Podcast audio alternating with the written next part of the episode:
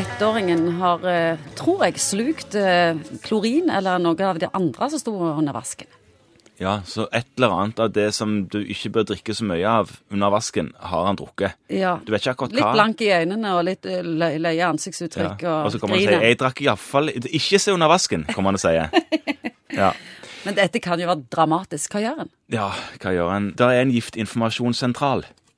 Denne giftinformasjonssentralen er døgnåpen. Det er en telefon du ringer. Søk det opp. Legg det inn på mobilen din, sånn at du skriver Giftinformasjonssentralen, så har du lagra det. Så har du det når du trenger det.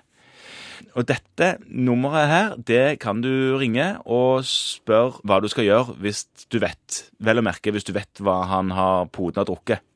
Men så er det sånn at eh, av og til så er sekunder viktig. Ja. Er det noe en kan gjøre umiddelbart? For eksempel skal en få ungen til å brekke seg? Skal en få ungen til å drikke mye vann? Melk, har jeg hørt. Hva tenker du om det? Mm. Ja, jeg tenker ikke brekning, for det, det, er, det skal en ikke gjøre. En skal prøve, ikke, ikke prøve å provosere fram en oppkast av dette eventuelle som han har fått i seg. Faren med det er at en kan brekke seg, og så kan en få det ned i feil rør.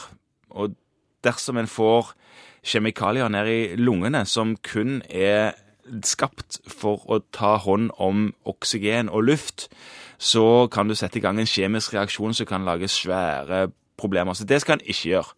Det er jo en av de to tingene jeg har tenkt å ta opp med øh, Vår Herre når jeg en gang får anledning til det.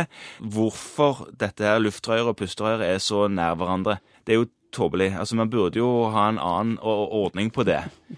Så, altså, man kan svelge vrangt eh, og få ting ned i feil rør. Det måtte jo være mye lettere om de rørene var litt lenger fra hverandre.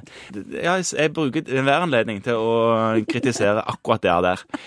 Og så er det jo ikke så veldig mye en kan, eh, en kan gjøre. Noen ganger skal en drikke vann, noen ganger skal en drikke feitere ting som melk. Men, men, men det gjelder ikke alle ting. Det er litt avhengig av hva en har fått i seg. Så det er telefonnummeret som er det vesentlige. Ja, det er vesentlig. sant? Hvis en er usikker på hva gutten har eh, fått i seg, at en ikke vet hva han skal si når en ringer det nummeret, eh, så må en jo nesten dra på eh, legevakt og få gjort målinger av puls og blodtrykk og ting som kan være tegn på at en har fått i seg noe giftig.